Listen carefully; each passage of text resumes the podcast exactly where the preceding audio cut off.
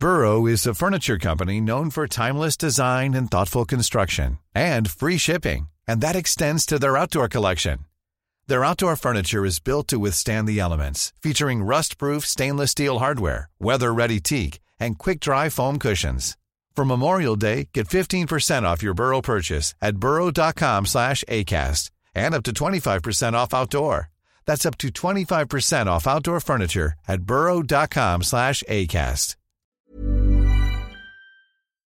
Und heute steigen wir tatsächlich in die erste Liga auf. Das glaubt ja kein Mensch! Und ab geht's! Ja, här är vi igen Filip. Vi är ju det. Redo att snacka ner sommarens övergångsfönster som har bommat igen nu. Ja, hur, hur många var det som lämnade Bundesliga tror du? Oh, du, de där siffrorna har jag egentligen koll på. Jag vet att det var 244 värvningar som gjordes och jag vet att det var strax, att siffran var strax över. Kan det vara 270? Ja, Arrivals 272 och Debitures 260. Ja, men då har jag inte räknat med interna övergångar förstår du. Så Då blir det bara 244. Det vill säga Ja. inga när de hämtat spelare från egna leden Oj, ifrån reservlagen. Snyggt kompis. Yes.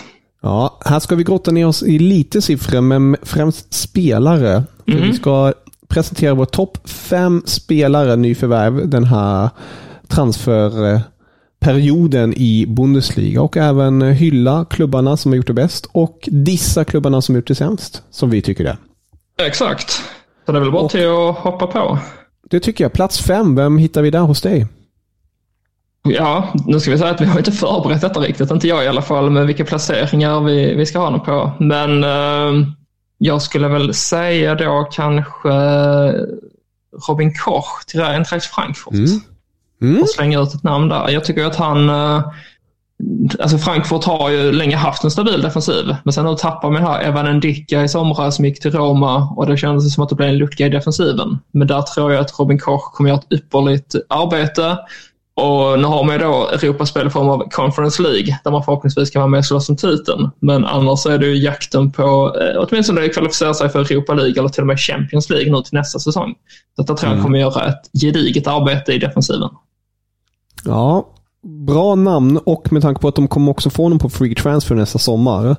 Eh, enligt eh, rapporterna från då Leeds. Hans kontrakt går ju ut då. Så är det här verkligen ett, ett, ett långsiktigt namn också för Eintracht. Väldigt bra Jag tycker jag. det. Ja, jag tar faktiskt en annan Robin. Åh, oh, du vet vem det är. Gåsen. Ja. Ja, Robin Gosens.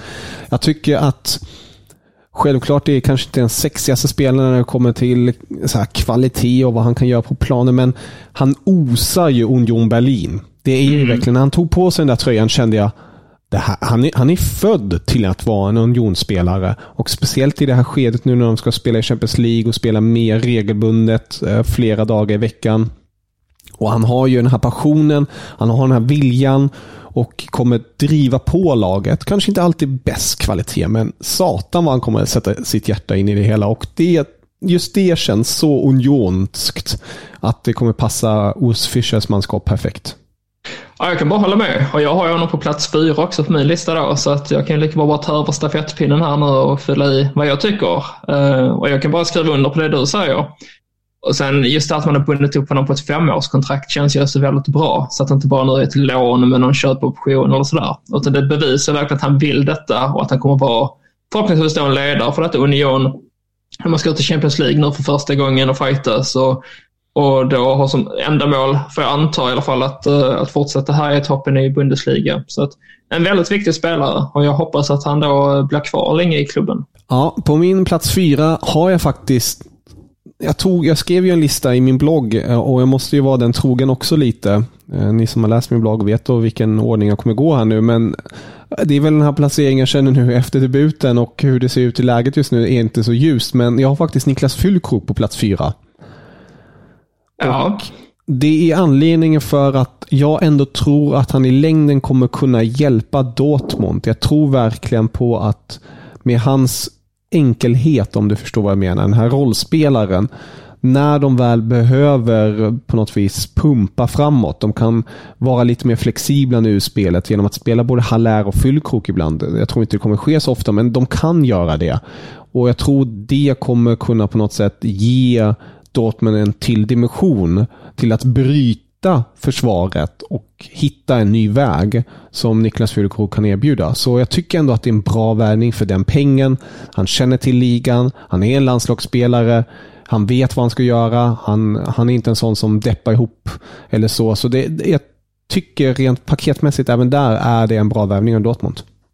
Samtidigt har ju hans topp toppform i karriären varit väldigt kortvarig. Den har egentligen bara mm. sträckt sig något års tid. Så att jag, jag tycker det är lite av en chansning av Dortmund. Alltså faller det väl ut så är det en fantastisk värvning och han kommer ju göra tvåsiffrigt med mål.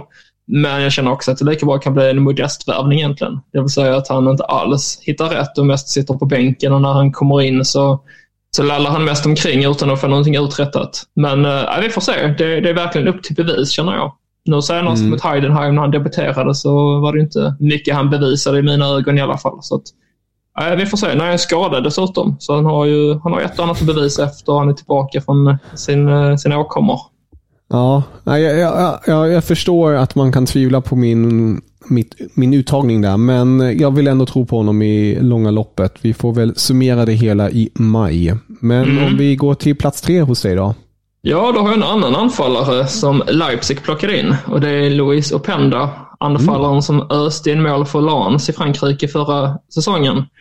Och eftersom att Timo Werner då tyvärr inte har fått den starten eller fått det utfallet man hade hoppats på när han återvände till Leipzig så känns det som en rätt värvning för deras del. Och så här långt tycker jag också att han verkligen har bevisat att han, eh, att han är rätt man på rätt plats.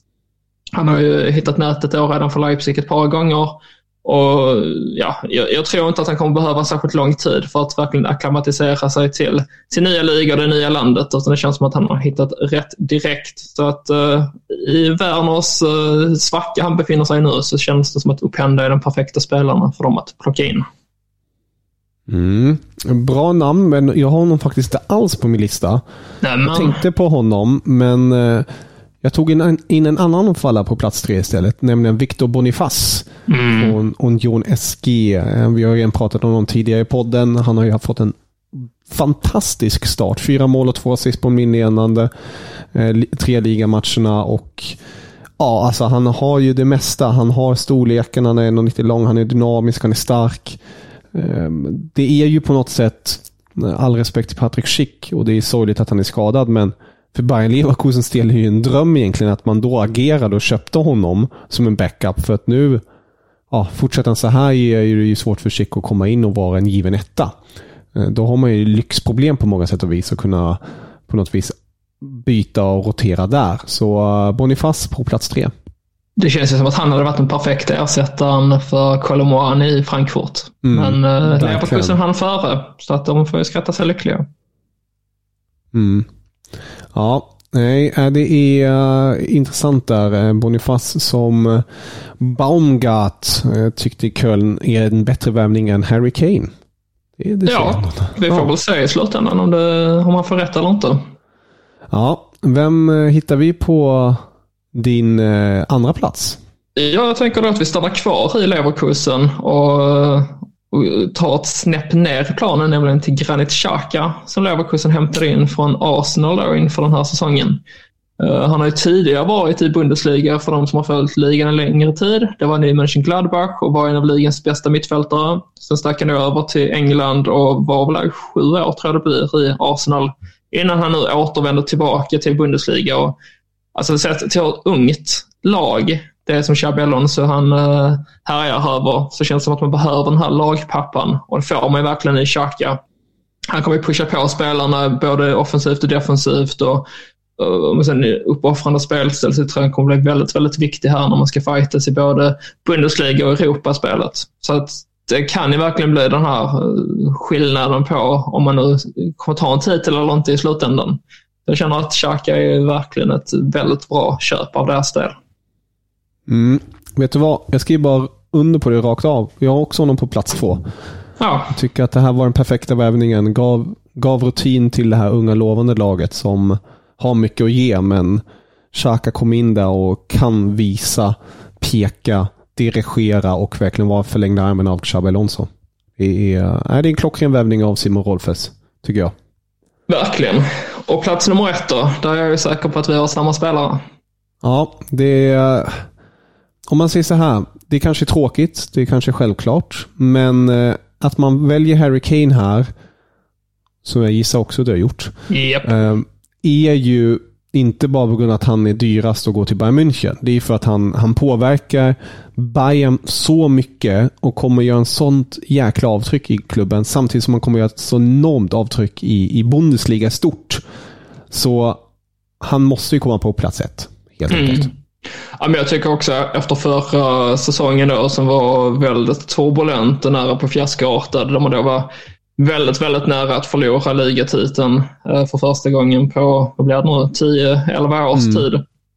Uh, att då göra den här värvningen efteråt är verkligen ett statement från Bayerns sida. Att man inte tänker lägga sig ner och dö utan att man, uh, att man, kommer, att man har för avsikt att bli den här stormakten igen som man då inte riktigt bevisade förra säsongen. Så jag tycker det är en fantastisk värvning. Och sen är det då den här eh, ersättaren till Robert Lewandowski som, eh, som inte kom förra sommaren som man trodde. Istället kom ju Sadio Mané och det slutar ju inte alls bra. Så att, nej, här tycker jag att man har gjort allting rätt och eh, extra kul att det är en nagel i ögat på engelsmännen som får sin lagkapten och sin målspruta då till Farmers League som man brukar kalla Bundesliga. Så det är väldigt roligt.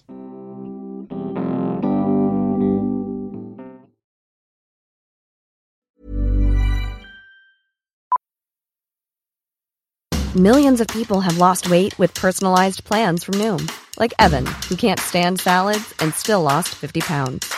Salads, generally, for most people, are the easy button, right? For me, that wasn't an option. I never really was a salad guy. That's just not who I am. But Noom worked for me. Get your personalized plan today at Noom.com. Real Noom user compensated to provide their story. In four weeks, the typical Noom user can expect to lose one to two pounds per week. Individual results may vary. Millions of people have lost weight with personalized plans from Noom, like Evan, who can't stand salads and still lost 50 pounds. Salads, generally, for most people, are the easy button, right? For me, that wasn't an option. I never really was a salad guy. That's just not who I am. But Noom worked for me. Get your personalized plan today at Noom.com. Real Noom user compensated to provide their story. In four weeks, the typical Noom user can expect to lose one to two pounds per week. Individual results may vary.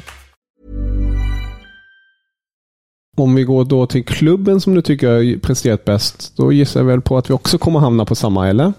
Ja, det är väl så. Jag har faktiskt tagit mm. ut tre klubbar som jag tycker har varit, uh, gjort ett väldigt bra fönster. Sen tre klubbar jag tycker har gjort det sämre. Så att jag kommer säga då att Union Berlin, som jag antar den klubben du tänker på, mm. har jag på första plats. Andra plats har jag Bayer Leverkusen och sen på tredje plats Leipzig.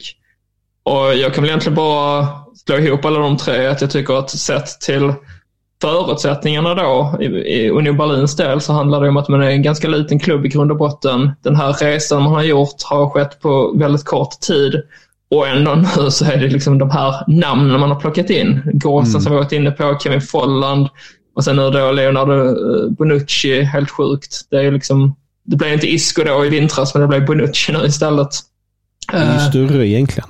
Ja, egentligen är det ju det, men det är liksom från mm. samma hyllplan eller vad man ska säga. Det, det är värvningar som inte ska hända. För det första ska de inte komma till Bundesliga egentligen och sen för det andra inte komma till Union Berlin.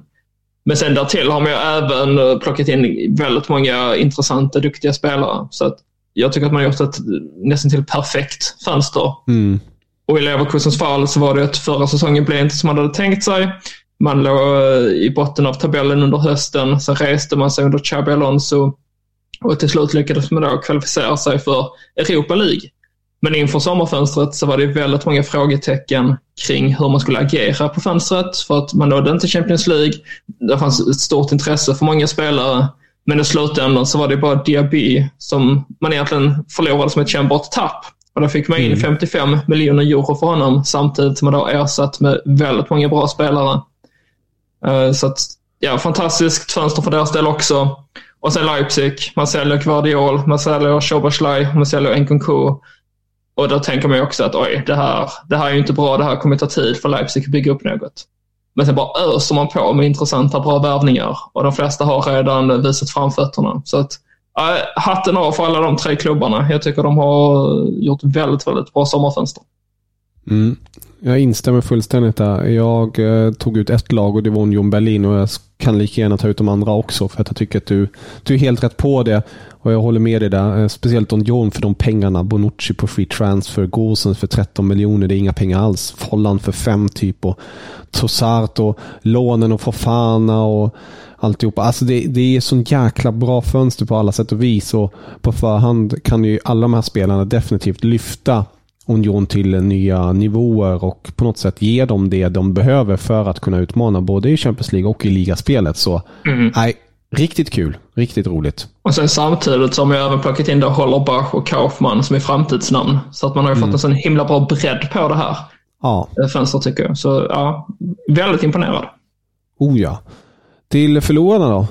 Vilka har du valt där? Ja, där har jag två Borussia-klubbar i form av Mönchengladbach och Dortmund i toppen. Mm. Och sen så kombineras de av Stuttgart. Men jag vet inte riktigt om jag ska ha kvar dem egentligen. För som vi var inne på i det förra avsnittet så har ju Stuttgart ändå imponerat så här långt på säsongen. Mm. Men just det faktum att man sålde tre av sina bästa defensiva spelare utan att man plockar in någon riktig ersättare, det, det kan ju få konsekvenser i längden. Men jag tänker väl att de får vinterfönstret på sig i alla fall att, uh, att se vad man behöver uh, vad man behöver plocka in för pengar lär ju finnas på banken nu. Mm. Men om vi ska kolla på Mönchengladbach så är det bara att jag, jag, känner att klubben är lite i fritt fall. Jag har svårt att se att de kommer vara med i toppen och slåss på ett tag nu. Man har blivit av med nyckelspelare nu under sommaren då så lämnade Marcus Thuram gratis. Jonas Hoffman sålde man till konkurrenten Leverkusen. Eh, lagkapten Lars Stindl, han lämnade och gick till eh, Karlsruhe. Och sen har vi då Rami Benzebaini som, som gick till eh, Dortmund gratis också. Så det är väldigt tunga tapp. Och åren dessförinnan har man också förlorat många tidigare nyckelspelare. Och sen tycker jag att spelare man har plockat in visar sig intressanta ut. Men det finns inga så självklara garantier där för att det kommer att bli succé. Så att, nej, där, där tycker jag att där hade man behövt agera bättre om man skulle få fart på den Mönchengladbach som just nu känns som att man är närmare att åka ur än att man kommer att kvalificera sig för Champions League. Mm. Uh, och sen kanske då Dortmund, om vi ska stanna kvar lite längre på dem. Jag vet inte vad du tycker om deras fönster innan jag tar fram den stora sågen. Nej, det är laget jag också tog eh, in i den här ekvationen. Jag tycker med tanke på nu precis vi har pratat om Leipzig och Leverkusen och även eh, Union. Det är tre klubbar som är egentligen rent utav eh, hierarkimässigt under Dortmund. Men mm. de värvar spelare som lätt hade kunnat platsa i Dortmund. Och att Dortmund då inte lyckas göra ett bättre fönster än vad de gör. Jag tycker att Sabitzer är en helt OK värvning med tanke på ålder, rutin och vad han kan tillföra laget. Felix Nemcha, för den pengen eh, köper jag inte det. Jag köper inte att man vävar honom, men det är väl rent långsiktigt och kanske det, det gynnar sig. Men att man inte lyckades på något vänster eh, lösa det bättre. Även med spelarna som man vill få bort med Monier och Hazard och alltihopa. Alltså man har, man har inte agerat tillräckligt bra tycker jag. Jag vet att man heller inte har så mycket större resurser där. Eh, men det är väldigt dåligt gjort av dem. Ja, alltså jag, jag, kan tycka så om vi börjar bakifrån så Benzebaini idag är ju en fullgod ersättare till Guerrero. Men att man släpper då en av sina bättre spelare de senaste säsongerna som då går gratis till konkurrenten Bayern München. Jag förstår mm. inte riktigt den logiken. Utan det är väl så fall om Guerrero hade sagt att nej men jag vill vidare till, till Premier League och testa vingarna där. Ja men okej, ja men då får du gå. Men att man inte jobbar hårdare på att förlänga hans kontrakt. För det kändes ju sen som att han var öppen för att stanna kvar. Men då hade man väl redan gjort klart med Benzebaini, tänker jag. Eh, men ja, det där förstår jag inte.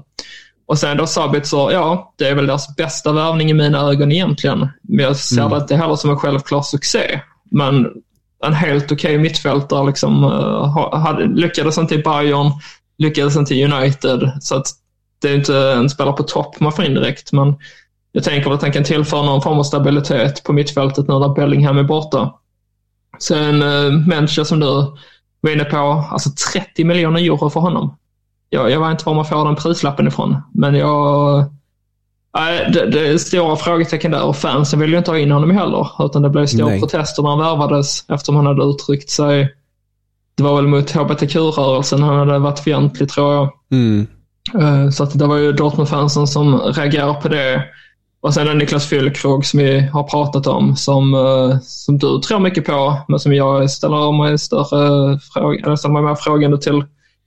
Så jag vet inte, alltså, det är fyra spelare man plockar in och på pappret är alla absolut skickliga fotbollsspelare. Men om Dortmund vill allvar med det här och vill utmana om titeln så räcker det inte att plocka in de här. Utan man måste ta in större och bättre namn helt enkelt. Som då konkurrenterna har gjort, som du har varit inne på. Ja, jag tycker att det har varit ett väldigt, väldigt kast fönster för deras del. Uh, förlorar sin bästa spelare i Bellingham, ersätter honom med medelmåttor och fyller på med lite breddspelare. Så att, nej, jag, jag tror att detta blir en uh, pissig säsong för Dortmund helt enkelt. Mycket tack Mm. vare det här fönstret. Ja, nej, vi, får, vi kommer ju självfallet prata mer om Dortmund och se hur det utvecklar sig. Vi pratade det om förra veckans avsnitt, eller tidigare veckans avsnitt rättare sagt med Terasic och pressen där. Det lär ju inte avta. Men om vi lämnar transferfönstret där då, stänger det för nu och öppnar det igen i januari när det lär hända en del. Och där kan jag bara flika in det sista. I München pratar man ju om den svarta fredagen nu. Ehm, för att man bokstavligen misslyckades med alla sina värvningar den sista dagen. Man hade Palinja på plats i München. Han tog sina foton, han hade Bayern-tröjan. Ehm, vi ser redan, allt var klart i princip. Man väntade bara på att Fulham skulle göra tummen upp. Men de gjorde aldrig det för att de inte hade hunnit hitta en ersättare innan det tyska fönstret hade stängt. Hade det tyska fönstret stängt 0-0 som det engelska, då hade man förmodligen löst den här övergången. Men så blev inte fallet. Inte helt omöjligt att han kanske kommer i januari. Sedan vill man ju ha en till spelare i försvaret. Eh, och då pratade man om Chelseas eh, Trevor Chalaba. Chelsea vill inte värva, eh, låna ut honom. De ville att man skulle köpa honom. Sen gick man på Bella Kotschap istället, men där vill inte Southampton ge tummen upp riktigt. Man kom inte riktigt överens. Sen kom Chalaba och Chelsea, men det var för sent. Och ja, Enkelt sagt, det blev en soppa och man löste ingenting. Eh, Och Olle Hune sa ju själv efter det här, förr skrattade vi åt deadline day. Eh, För att Bayern är ju ett lag som annars blir klara i juni slash till och med maj. Man är typ klar när säsong, förra säsongen är slut. Man har redan planerat allt, man har redan eh, fixat alltihopa. Men det gjorde man inte nu och det är ju en till stor del av eh, Harry Kane-fokuset. Att det drog ut på så lång tid och att man ville på något sätt garantera att man kunde värva Harry Kane oavsett vad och därefter lösa det andra. Och Pavard-soppan var ju också någonting som verkligen spädde på det hela för att enligt Torshäll då hade Pavard inte sagt någonting till honom under hela försäsongen. Pavard hade dock sagt till Salahamidzic och Khan att han ville gå och de hade sagt ja, vi ska hitta någonting för dig. Men de har ju fått sparken sedan tidigare. Så Olle Hunes och gänget tänkte väl ja, vi kan väl övertala Pavard. Men det lyckades inte med. De lånade ut Stanisic för att de inte hade fått något bud på Pavard ännu och tänkte okej, han kommer stanna en säsong till. Det blev inte så. och Paniken kom ut. Men ur Bayerns perspektiv, om man ska prata om något gott då, det är väl kanske att man då har den här tajta truppen. Man kanske lyckas då under hösten spela in det här laget. Guerreiro kan spela lite i, i mittfältet om det så skulle behövas. Laimen får spela högerback. Och man har Kimmich, Goretzka och och Leimer som också kan spela centralt. Då. Så det finns spelare där. Det är inte synd om dem på det sättet. Eh, Det får bara inte bli fem skador på en gång. För då blir det jäkligt tufft. Men eh, håller de ut i hösten så kanske de kommer väva i januari och då kommer de se riktigt vassa ut. Ja, Känns det var en liten monolog där. Men Ja, men det är bara på. trevligt. Jag kan bara flika in att det känns ju som att vi kommer att få se ett Bayern München som kommer ha typ tre spelare på bänken under någon match här under, eh, under hösten och vintern. De är inte så glada för att ge sina egna talanger chansen. Så att, eh, nej, vi får se. Dock är Tuchel bättre på det kanske. Så att, eh, jag får se. Men tunn trupp har de i alla fall. Det har de. Om vi går till landslaget kort då. Y fan. så kan vi säga att de ska möta Japan och Frankrike. Det är träningsmatcher, ja, men nu har Hansi Flick sagt att Eh, experimenten är över. Nu är det allvar. Nu måste jag sätta en, en trupp. Jag måste sätta ett spel. Nu ska det bara funka för att vi ska sikta mot EM 2024 på hemmaplan. Och när man tittar på truppen i sig är det den stora överraskningen. Norge är inte med på grund av skadan, men han lär vara tillbaka i oktober i landslaget och tillbaka i Bayern redan i september. Men det är ju att Goretzka har fått petningen av Flick. Och det blev han ju själv överraskad över. Han gick ut i sociala medier och sa att han tyckte det var tungt, men ja, eh, han får jobba på helt enkelt. Eh, någonting du tänkte på där, för att istället för honom fick ju Pascal Gros, Brighton, mittfältaren, göra A-lagsdebut i uttagning, så att säga, 32-åringen. Mm. Ja, all heder till Pascal Gros. Alltså det är kul för hans del att få vara med i landslaget, 32 år gammal. Men alltså nu om, om eh, Flick menar allvar om att han ska sätta ihop ett lag, att nu är det allvar och, och hej och hå.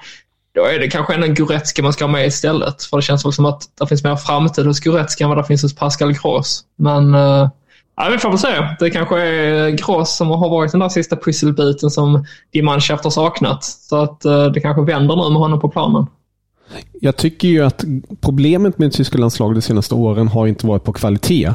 Det har varit mer på det mentala och på något vis få ihop ett lag. Mm. För vi har ju haft enormt mycket individuella skickliga spelare, men inte ett riktigt lag i sig.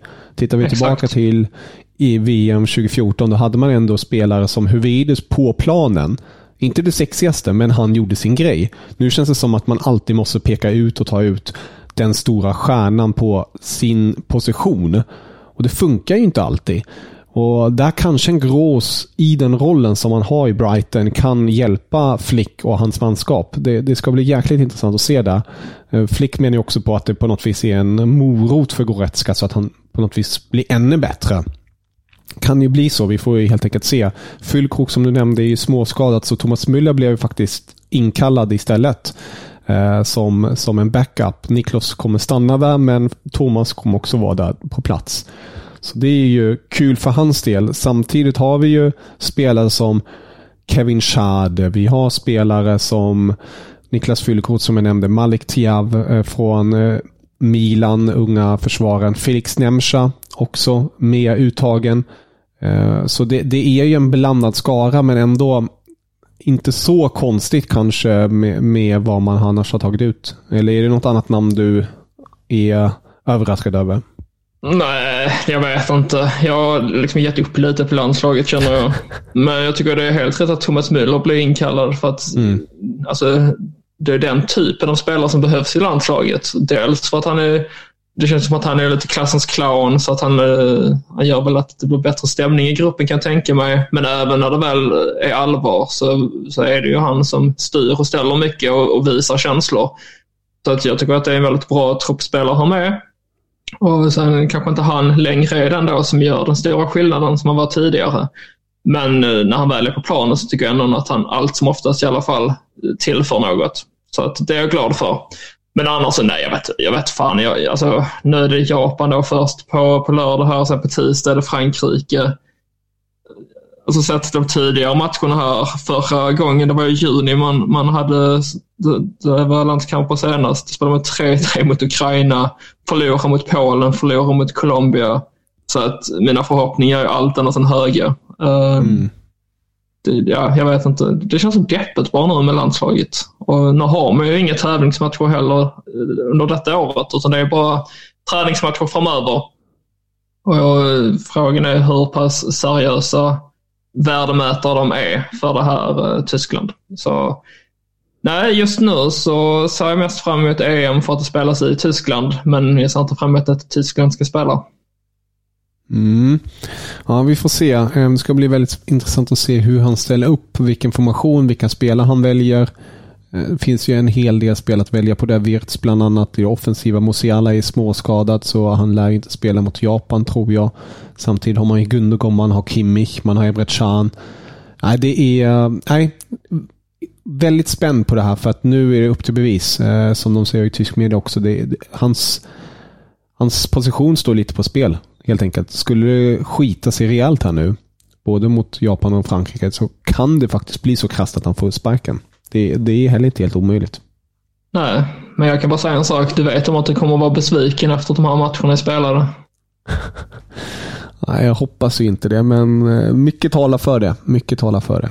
Ja, jag tänker vi får spela in ett avsnitt i slutet på nästa vecka då när matcherna har spelats. Så får vi väl gå igenom och se hur det har sett ut. Men jag tippar mm. redan på förhand att det slutar med två förluster. Möjligtvis ett, ett tursamt kryss mot Japan, men eh, Frankrike, det, det, det kommer inte sluta trevligt.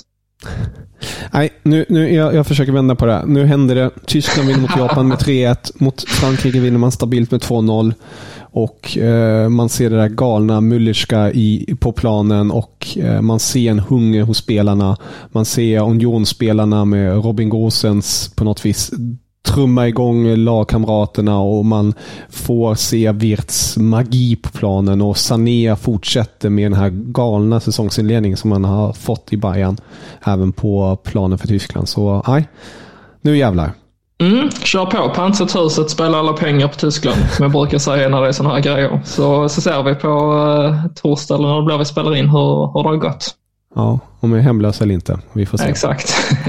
ja, men eh, med det sagt, sköt om er allihopa och tack för den här gången Filip. Tack själva, eller tack själv ska jag säga. Och ja, eller tack till er lyssnare också som lyssnar, givetvis. Ni är en del av detta också.